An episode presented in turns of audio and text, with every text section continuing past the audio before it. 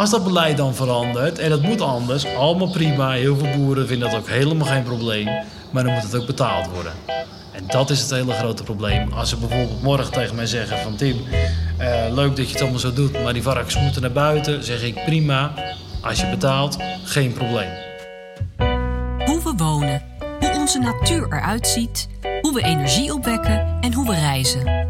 Dat gaat de komende jaren allemaal veranderen. Maar kan dat allemaal wel? En hoe doen we dat? Dit is Nederland verbouwd in zeven vragen. Stel, je springt op een willekeurig punt boven Nederland met je parachute uit het vliegtuig. Onder je zie je steden, dorpen, rivieren, hier en daar wat plukjes bos. Maar de kans is verreweg het grootst dat je uiteindelijk landt bij een boer. Want meer dan de helft van ons land bestaat uit landbouwgrond. Mijn naam is Quinty Wierenga en deze aflevering gaat over landbouw en voedsel. Of je nou in de supermarkt je aardappels, spinazie of carbonaatje koopt, veel van wat wij eten wordt hier verbouwd. En ook geëxporteerd. Vorig jaar ging er voor meer dan 30 miljard euro aan vlees, zuivel, groente en fruit naar het buitenland. Maar die ongelooflijke productie levert ook zorgen op. Doen we niet te veel in dit kleine land? Zorgt dat niet voor te veel vervuiling? Moeten we niet alles zetten op verduurzaming? En hoe zal dat ons vertrouwde boerenlandschap veranderen? Ik reis eerst af naar de weilanden van Middenbeemster. Niet alleen bekend van de kaas, maar ook van de varkensboerderij die de 28-jarige Tim van der Mark runt samen met zijn ouders. We staan in de skybox van zijn stal en kijken uit op de zeugen als hij vertelt over zijn bedrijf. Wij hebben ongeveer zo'n 250 moederdieren, ook wel zeugen. En zo'n 900 vleesvarkens. En wij eh, doen eigenlijk van zaadje tot carbonaatje. Uh, wij uh, doen echt letterlijk van zaadje tot het opfokken van varkens, tot vleesvarken, tot echt slagrijp, tot naar het slachthuis brengen en zorgen dat het bij de slager komt. Tim is opgegroeid op de boerderij, waar vanaf het begin al anders wordt geopereerd dan op de meeste andere boerderijen. Ze gaat hun varkensvlees dus via het slachthuis rechtstreeks naar de lokale slagers en niet naar de supermarkt. Een keuze die de vader van Tim maakte omdat hij vond dat de supermarkten geen eerlijke prijs betaalden. Ook nu nog blijft de boerderij constant in ontwikkeling. Zeker de laatste jaren we, uh, dat zijn we toch wel echt wel heel veel stappen gezet op uh, verder verduurzaming. En dan moet je denken aan het zelf maken, uh, meer grondstoffen uit de buurt betrekken. Um, wij voeren al bijvoorbeeld meer dan 10 jaar de Beemster kaaswei. Dus de Beemster kaas die wordt gemaakt, die fabriek staat in de Beemster. Dan heb je een restproduct van kaas en dat noem je wij. En dat is uh, best wel zuur, er zit heel veel eiwit in. Wordt ook uh, veel gebruikt voor taxidrink bijvoorbeeld. Uh, maar varkens vinden dat ook super lekker. En zo zijn we meer met die samenwerkingen gaan aangaan. En uh, zo hebben we ook een akkerbouwer in de Beemster, uh, Jan Verkempen. Uh, ook een hele bijzondere akkerbouwer, die ook al heel anders durft te denken en doet. Hij is een van de eerste begonnen met bloemenlinten bijvoorbeeld. En van hem kopen we het, de tarwekorrels die we zelf slaan op onze eigen boerderij. maar ook het stro waar deze zeugen hier op liggen. Ja, Tim snijdt hier het thema aan dat deze aflevering centraal staat: duurzaamheid. Dat woord zegt zelf niet zo heel erg veel. Dus wat verstaat hij onder duurzaamheid? Oeh, duurzaamheid voor mij. Uh, ja, duurzaamheid denken we meestal aan het uh, minder verbruiken van energie, uh, minder verbruiken van inputs. En daar zie ik duurzaamheid ook echt wel in, maar ik vind duurzaamheid ook meer een balans. Um, want uh, zeker met dieren moet je alles in balans houden. Je kan bijvoorbeeld heel veel aan dierenwelzijn doen, maar dan wordt de emissies van een bedrijf uh, alweer een stukje hoger. En wij zoeken naar die balans. Dus hoe kan je, uh, dat noem ik dan ook duurzaamheid, hoe kan je uh, dierenwelzijn op een goed niveau hebben? hoe kan je emissies op een goed niveau hebben? En hoe kan je dat voor elkaar krijgen met zo min mogelijk inputs eigenlijk? En dat is voor mij duurzaamheid. Dat is zijn eigen definitie van duurzaamheid, waarin balans dus een sleutelwoord is. Voor hem is die duurzaamheid dus wel een belangrijke focus. Maar als je voor de hele landbouwsector zou spreken de afgelopen 70 jaar, dan is productie juist het belangrijkste geweest. Krijn Poppen werkte bijna 40 jaar als landbouweconoom aan de Universiteit van Wageningen en is raadslid voor de Raad voor de Leefomgeving en Infrastructuur. En die focus op productie heeft een bepaald type landbouw opgeleverd, zegt hij. Nederlandse landbouw is buitengewoon uh, efficiënt, zeker per kilo product. Uh, is eh, technologisch zeer geavanceerd. En dat, dat heeft er veel mee te maken dat onze arbeid heel duur is in Nederland en onze grond is heel duur. Dus als je niet heel efficiënt bent en goed produceert, we hebben ook nog eens hele goede bodems, goed klimaat, dan, dan heb je een probleem. Dus wij zijn per kilogram heel erg efficiënt. Daarom willen we ook graag, graag veel produceren. Wil de voedselindustrie ook in Nederland zitten. En daarom zijn we per hectare soms ook wel vervuilend. Ja, de boeren in Nederland behoren tot de wereldtop als het gaat om efficiëntie en innovatie. Maar met die voordelen komen dus ook nadelen. We hebben natuurlijk een heel rijtje met plagen van uh, CO2-emissie, bodemdaling, bodemverdichting, stikstof, uh, fijnstof, uh, geur. Nou, dan heb ik de belangrijkste denk ik wel gehad. En nog niet eens helemaal. Korte tijd later schiet hem ook nog watervervuiling te binnen. En hij geeft voorbeelden van wat voor invloed al die vervuilingen nu op onze leefomgeving hebben. Ja, waar op dit moment natuurlijk veel over gesproken wordt, is de stikstofproblematiek. Waardoor ammoniak uit mest uitrijden en stallen neerslaat in natuurgebieden. Uh, maar uh, in de veenweide uh, pompen we het water weg zodat de bodem daalt. Want dan kunnen we een beetje eerder het land op. Maar die bodem daalt en dat leidt ook nog weer tot CO2-uitstoot. En die bodemdaling brengt kosten met zich mee in de veenweide. Ehm, in Brabant heb je op een aantal plekken geurproblemen.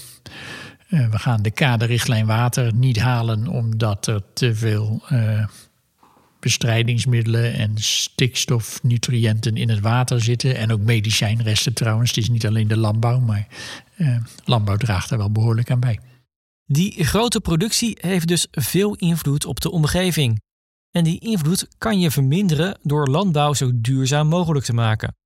Maar bepalen wat dan precies duurzaam is, is in de praktijk van heel veel factoren afhankelijk. Neem rundvlees en melk bijvoorbeeld.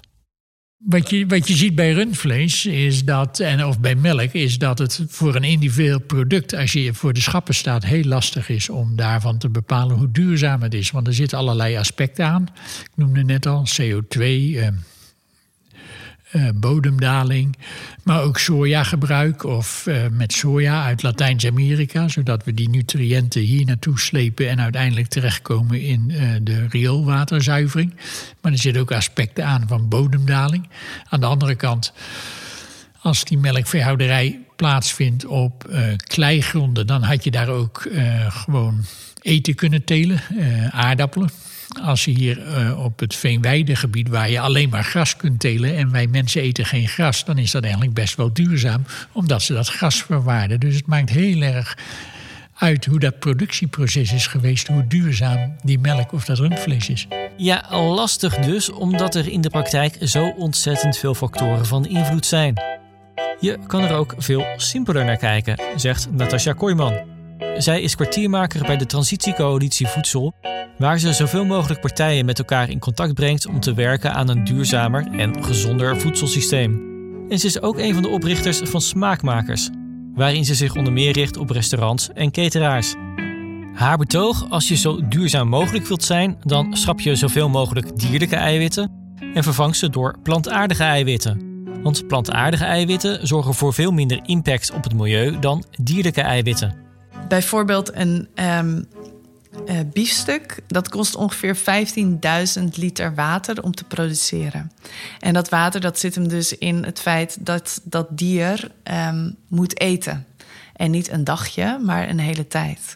Dus je hebt heel veel water nodig om uiteindelijk tot vlees te komen. Veel meer dan tot een plantaardig product te komen. Um, bijvoorbeeld een appel kost geloof ik 100 23 liter. Nou, dat is te verwaarlozen als je dat vergelijkt met zo'n, met zo'n biefstuk. En ja, ook plantaardige eiwitten zijn niet altijd duurzaam, geeft ze toe. Om nog even terug te komen op soja bijvoorbeeld, maar ook daar valt iets over te zeggen. Wij geven heel veel trainingen en uh, workshops bij smaakmakers en dan krijgen we altijd de opmerking: ja, maar die sojakwark en die sojayoghurt en die sojamelk en die sojaburgers, dat is hartstikke slecht, want daar worden regenwouden voor gekapt. En het is inderdaad zo dat voor die immense sojaproductie die we hebben, worden regenwouden gekapt. Um, maar 75% van alle soja die gaat naar diervoeder. Dus daar wordt geen mens van gevoed, daar worden alleen maar dieren van gevoed. Uh, Wereld Natuurfonds heeft een hele mooie um, infographic gemaakt. Waarbij je dus ziet hoeveel soja je eet op het moment dat je geen soja eet, maar dierlijke producten. Dus je krijgt meer soja binnen als je een stukje kip eet, dan wanneer je een bakje sojayoghurt eet.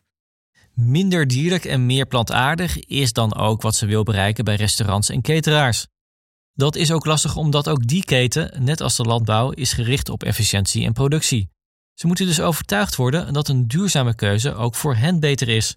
Wij helpen ze daarbij door ze enerzijds bewust te maken van hoeveel impact dat dan heeft. Um, door ze bewust te maken van wat dat voor impact heeft op de gezondheid van de gasten of de werknemers.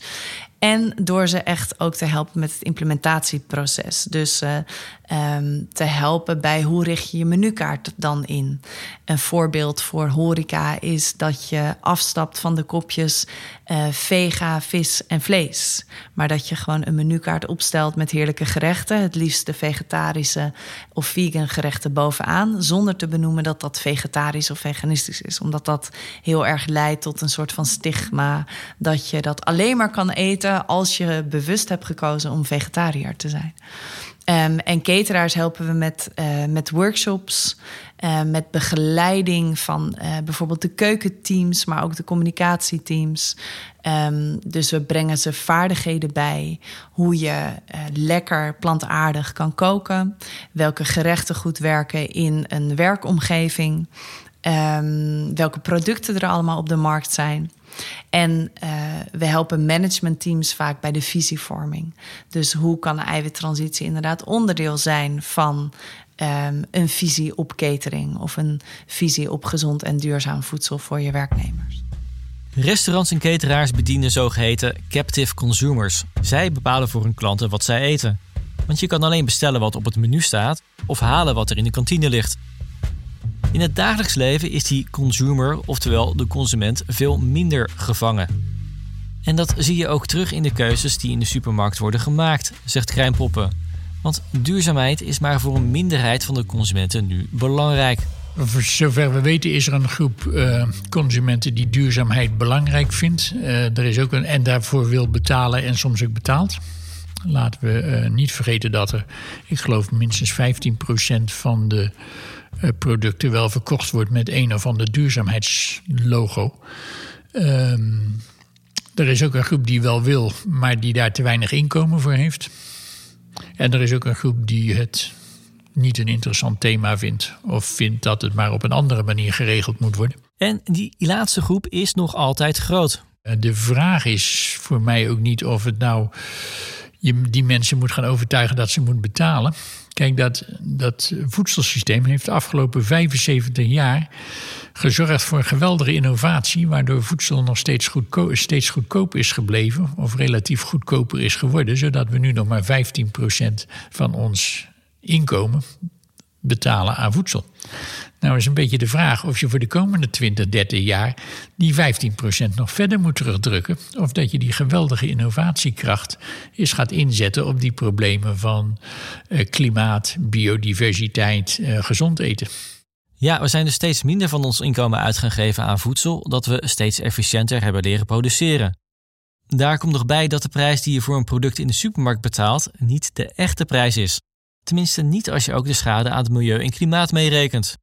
Nee, dat is een van de problemen. Als je in de supermarkt staat, uh, dan zie je de uh, duurzaamheid, of liever gezegd de onduurzaamheid, die zie je natuurlijk niet terug. Je betaalt voor de kosten van het bedrijfsleven, zeg maar, maar je betaalt niet voor de schade die er uh, veroorzaakt wordt aan milieu, aan klimaat, aan het feit dat misschien sommige mensen matig of slecht gehuisvest zijn of tegen een laag loon werken.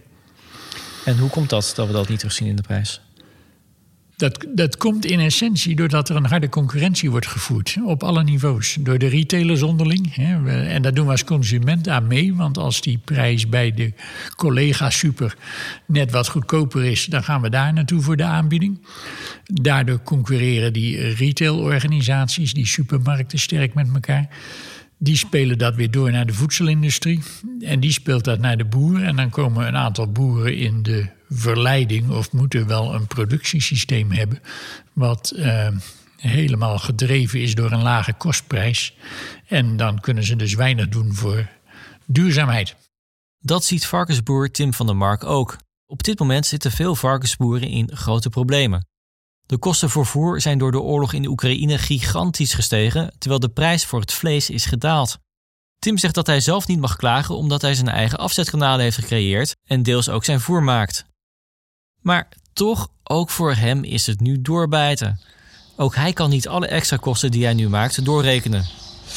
Uh, als ik echt de, de, de, prijs ga rekenen op het moment wat ik nodig heb, uh, dan gaan mijn afnemers uh, zeggen dat het verschil is veel te groot met de normale prijzen. En dan geven ze ook heel groot gelijk in. Waardoor hun vlees niet meer aantrekkelijk is en het dan ook niet verkocht wordt. Dus je moet soms ook even door de moeilijkere tijden heen. Zijn we ook wel gewend als varkenshouder. Maar eigenlijk de systeemvraag die hier onderlegd is natuurlijk, uh, vangt een boer altijd de juiste prijs voor zijn product. En daar is gewoon simpelweg het antwoord nee op. En dat antwoord is nee, zegt Tim, omdat andere partijen economisch gezien ten opzichte van de boer veel meer macht hebben. Supermarkten en slachthuizen bijvoorbeeld. Een slachthuis weet nu bijvoorbeeld precies wat een varkenshouder ongeveer verdient. Nou ja, die weet ook precies wat hij met zijn business kan doen. Een retailer, die leest dat ook, die ziet dat ook. Uh, dus we zijn, betreft dat eigenlijk wel een hele, voor die markten, voor die ketenpartijen, een hele open sector. Die ons uh, kan uitlezen en daar gebruik van kan maken. Terwijl wij dat niet andersom kunnen doen. Want wat kost eigenlijk een varken wat geslacht wordt? Of wat kost dat verpakken, dat transporteren? En wat voor marge zit er in de supermarkt? Dat weet je als boer helemaal niet. Uh, maar dat is een systeem waar wij ja, ingedouwd zijn door toen de tijd. Willen we daaruit komen, dan uh, moet je eigenlijk verder gaan kijken naar alleen het economische perspectief. En de, in onze ketens wordt nu heel erg gehandeld in economische perspectief van dit is je opbrengsprijs en um, zoveel kilo en hier krijg je je geld. Maar uh, net als Beter Leven heeft dat, uh, probeert dat heel goed uh, om te zeggen van nee, we hebben extra standaarden, dus we willen daar extra betaald voor worden.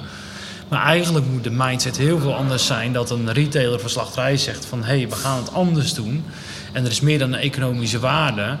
Uh, we bieden een boer die het anders wil doen een stabiliteit, een minimumprijs of een, echt een prijs die uh, ertoe doet dat een boer en kan investeren, ook een keer op vakantie kan gaan en niet uh, continu bezig is met zijn bedrijf redden, zeg maar, op dat moment. Want het is moeilijk om groen te doen als je rood staat, zegt hij. Maar die prijs die ertoe doet, die is er nu dus nog niet. Hoewel Tim en Natasja flink van mening verschillen over de toekomst van dierlijke en plantaardige eiwitten, vinden ze elkaar wel in de macht die de retailer heeft, zoals de supermarkt dus. Want de supermarkt is een belangrijk onderdeel van wat Natasja de voedselomgeving noemt. En uh, de voedselomgeving, dat is uh, de omgeving waar we ons in uh, bevinden, waarin je geconfronteerd wordt met eten en drinken. Dus je zou kunnen zeggen dat is het aanbod, uh, de promotie en het straatbeeld uh, van eten en drinken, waar wij door beïnvloed worden. Als je kijkt hoe de consument um, zijn keuzes maakt als het gaat over eten, dan zijn er eigenlijk drie aspecten heel belangrijk. En dat is voedselcultuur, voedselomgeving en voedselvaardigheden. En voedselvaardigheden, dat is hoe maak ik een lekkere maaltijd Voedselcultuur is wat is een lekkere maaltijd. En voedselomgeving is waar kan ik die krijgen of hoe kom ik daar gemakkelijk aan. En voedselcultuur en voedselomgeving hangen ook heel sterk samen. Omdat wat je om je heen ziet, wat makkelijk te krijgen is, dat bepaalt ook je normaal. En je normaal is dus eigenlijk iets wat ten grondslag ligt aan cultuur. Dus um, uh, hoe je ons gedrag kan beïnvloeden, uh, dat is via het beïnvloeden van die voedselomgeving. Oftewel, het aanbod, de promotie, het straatbeeld veranderen. Want als de omgeving er anders uitziet, dan verandert de consument ook mee. Ik ben echt van de school, de consument die um, maakt keuzes op basis van cultuur, van vaardigheden en van omgeving. En als wij die omgeving beïnvloeden en mogelijk ook die vaardigheden en de cultuur, cultuur kan je beïnvloeden door de omgeving, dan help je die consument om andere keuzes te maken. Dus ik zou niet zeggen. Um, dat de consument degene is die alles kan veranderen. Ik geloof heel sterk dat het bedrijfsleven daar een hele grote rol in speelt. En ja, ik ben heel erg voorstander van die consumenten die zich bewust zijn van het feit dat wij de aarde aan het opeten zijn, letterlijk, dat die andere keuzes maken. Dus ik zeg altijd: elke veganist op dit moment helpt, want het compenseert voor al die overconsumptie van dierlijke producten op dit moment. Maar duurzame keuzes maken is voor veel consumenten in de praktijk lastig. In de supermarktschappen is het vaak onduidelijk hoe duurzaam een product is. Heeft een product een keurmerk? Wat zegt dat keurmerk? En dan is biologisch ook niet noodzakelijkerwijs gelijk duurzaam. Je zou ook kunnen zeggen, als de voedselomgeving nu te weinig verandert, omdat consumenten dan nog onvoldoende willen en de retailer duurzame producten nog te weinig centraal zet, dan kan de overheid ook een sturende rol nemen. Via een vleestaks bijvoorbeeld, voor die transitie naar plantaardige eiwitten. Maar daar zitten in de praktijk nog wel wat haken en ogen aan, zegt Krijnpoppen. Je kunt wel, uh, je kunt een paar dingen doen. Je kunt zeggen, ik ga uh, de consument belasten via een normaal btw-tarief, uh, bijvoorbeeld, uh, om die kosten van die milieu en natuur ook bij de consument of bij de burger neer te leggen. En dat doe ik dan door dat hogere btw-tarief. Dat, eh, en dan gebruik ik dat geld om bijvoorbeeld boeren natuurmaatregelen te laten nemen. Hè, voor weidevogelcontracten of zo. Dus dat is een denkbaar mechanisme. Tot op zekere hoogte zie ik daar ook wel heil in. Alleen ehm, in Nederland kun je dat alleen doen voor de Nederlandse eh, consument. En we hebben net geconstateerd dat heel veel van ons voedsel de grens over gaat naar Duitsland. En wij hebben niet de macht om in München of in Berlijn te zeggen: uh, daar gaat de BTW omhoog, want dan kun je de natuur bij onze boeren herstellen. Dat gaat alleen werken als je dat op Europees niveau doet, zegt hij. Maar ondertussen komen boeren in Nederland steeds meer in een lastige positie terecht omdat ze wel aan steeds meer regels moeten voldoen. Ze hebben steeds vaker het gevoel dat ze als vervuiler worden gezien dan als degene die voor het eten op je bord zorgen. En dat is ook een beeld dat Den Haag van ze schetst, vindt een grote groep. Zeker toen de stikstofcrisis begon op te spelen en iedereen opeens naar de boeren keek als grootste vervuilers. Het huidige kabinet wil de stikstofuitstoot bij boeren fors terugdringen. Minister Christiane van der Wal wil in sommige gebieden zelfs percentages van meer dan 80% reductie halen. Het leidt opnieuw tot veel onrust onder boeren, waar ook het vorige kabinet al mee te maken kreeg. Boeren zorgden toen voor een van de grootste protesten ooit op het Malieveld, nadat D66-politicus Tjeerd de Groot ervoor pleitte om de veestapel te halveren. Het leidde tot een niet eerder geziene optocht van trekkers in de regeringsstad. Daarom staan we hier met de grote menigte in de grootste landbouwactie ooit in de Nederlandse geschiedenis. Veroorzaakt door het beleid dat in Den Haag ons wordt opgelegd. Maar gebaseerd op een emotie en de waan van de dag. Maar eigenlijk kun je het ze ook niet verwijten. Ze missen het gezonde verstand, boerenverstand, dat de natuur en de dieren ons leren. Een actie die Tim wel kan begrijpen. Toen het stikstofbeleid uh, opeens begon uit het niets voor heel veel boeren. Uh, was dat echt wel echt de druppel die de emmer deed overlopen. En eigenlijk alle frustratie van alle beleidswisselingen, uh, productiewisselingen, noem het maar op, kwam daaruit. En je ziet nu een generatie die het bedrijf moet over gaan doen aan hun volgende generatie, net zoals mijn ouders. Je ziet een generatie daar ook staan die het bedrijf gaat overnemen. En ze weten beide eigenlijk niet hoe, hoe de zekerheid is voor de komende 30 jaar. Uh, en die onzekerheid, uh, het slechte economische perspectief, het perspectief voor beleid, het, het, verlies van vertrouwen in politiek. Doordat politiek, nou, soms dat je dingen hoort van men weet nog ineens wat ze daar doen in Den Haag, wordt dan gezegd. Uh, dat maakt heel veel boeren zo ja, boos, teleurgesteld. Uh, omdat ze eigenlijk hun levenswerk, wat al zes, zeven generaties soms in de familie is, eigenlijk bang zijn om dat te gaan verliezen. En daar komt die angst wel uit. Het zorgt voor een kloof die groeit. Krijn Poppen vindt ook dat de overheid zelf heeft bijgedragen aan die onvrede onder boeren. Boeren en de overheid konden elkaar de afgelopen jaren steeds minder goed verstaan. Nou, er zit toch nog wel een nodig aan ruis op de lijn natuurlijk. Laat ik zeggen, je hebt, je hebt op te beginnen allerlei groepen boeren. Je hebt boeren die uh, al helemaal een, een, oplossing voor zichzelf hebben en uh, behoorlijk duurzaam bezig zijn. En die hoor je natuurlijk niet, want die hebben eigenlijk niet zoveel belang bij dit verdere discussie. Aan de andere kant heb je boeren die zich hevig verzetten of het probleem ontkennen. Uh, die vinden we soms op het Malieveld. En dan is er een grote categorie die daartussenin zit, die eigenlijk wel wil, maar uh, nou, die duidelijkheid nodig heeft, die uh, wij als RLI ook bepleiten. Um, en aan de overheidskant is er een traditie om uh, doelen meetbaar te maken, dat is heel goed. Maar dan die ene of twee indicatoren ehm, te vertalen naar middelen, waar, eh, middelvoorschriften waar boeren mee aan de slag moeten. Gij zult zo boeren. En dat neemt wel de, de creativiteit en de vrijheid bij boeren weg om hun ondernemerschap uh, aan te wenden en de, de lokaal beste oplossing te kiezen. Den Haag moet samen met Brussel zorgen voor beleid dat de boer begrijpt, zegt Tim. Want als ik hem vraag of hij nu vindt dat de overheid op het gebied van verduurzaming bij boeren een duidelijk beleid voert, dan is hij duidelijk. dat is een goede vraag. Nou, dat, uh, ik denk dat dat wel duidelijk is geworden dat dat laatste jaren uh, slecht gelukt is. Uh, aan de ene kant, we hebben een heel duidelijk beleid nodig waar we heen moeten. Aan de andere kant, we leven in ook een sector die vol staat van innovaties, die heel snel verandert.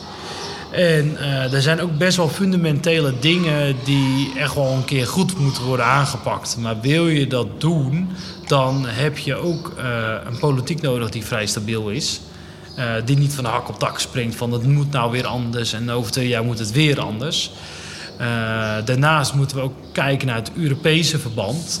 want we kunnen heel veel bepalen voor dezelfde landbouw in Nederland. Maar we zijn ook heel afhankelijk van de Europese regelgevingen.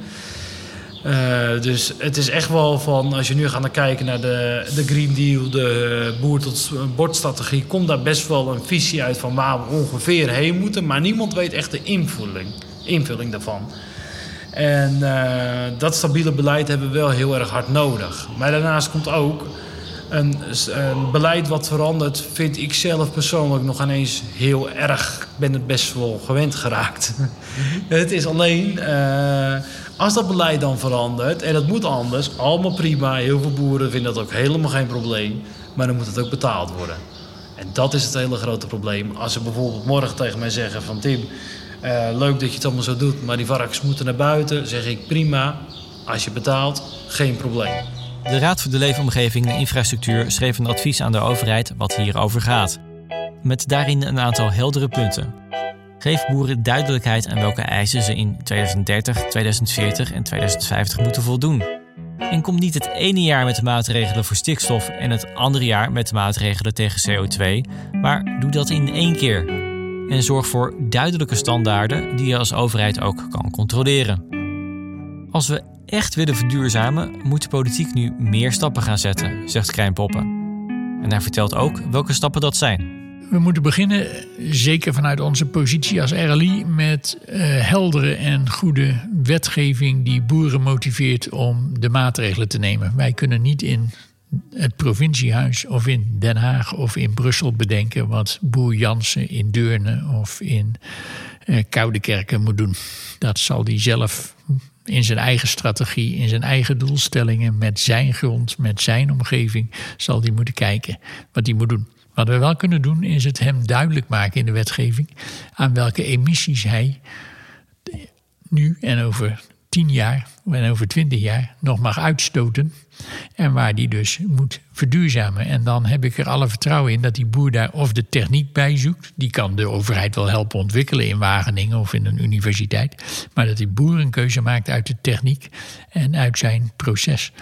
Uh, waarmee die, die boerderij runt. Dus de. Uh, minister Veerman heeft in de tijd eens gezegd: de overheid houdt geen kippen. Dat doet die boer. En uh, ik zou ook zeggen, de, boer de, de overheid bedenkt niet de duurzaamheidsmaatregelen voor de kippen. Dat kan die boer wel bedenken. Hij moet alleen weten aan wat voor eisen hij moet voldoen. En dan moet de overheid wel controleren of hij aan die eisen gaat voldoen natuurlijk. Hoe dan ook kunnen we niet anders dan steeds verder te verduurzamen. Daar zijn ook alle drie de sprekers het over eens. Wat dat betekent voor de boer is nu nog niet duidelijk. En die duidelijkheid is dus wel nodig.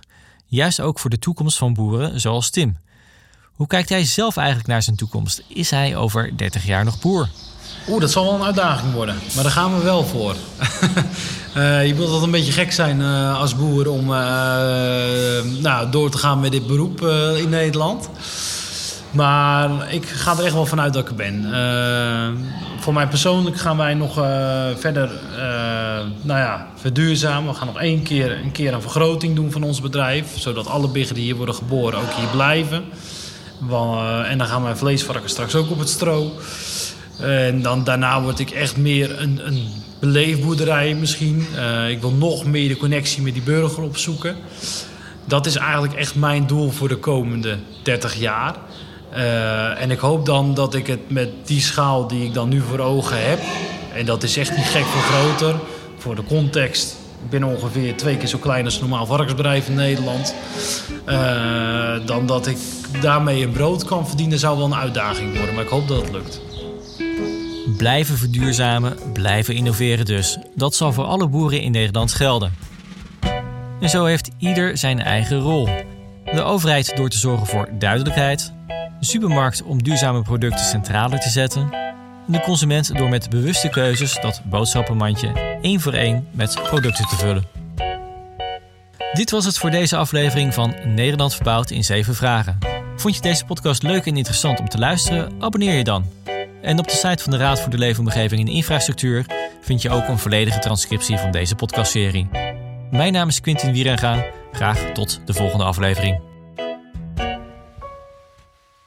Nederland verbouwd in 7 vragen is een podcast van de Raad voor de Leefomgeving en Infrastructuur. Meer weten? Kijk op rli.nl/podcast.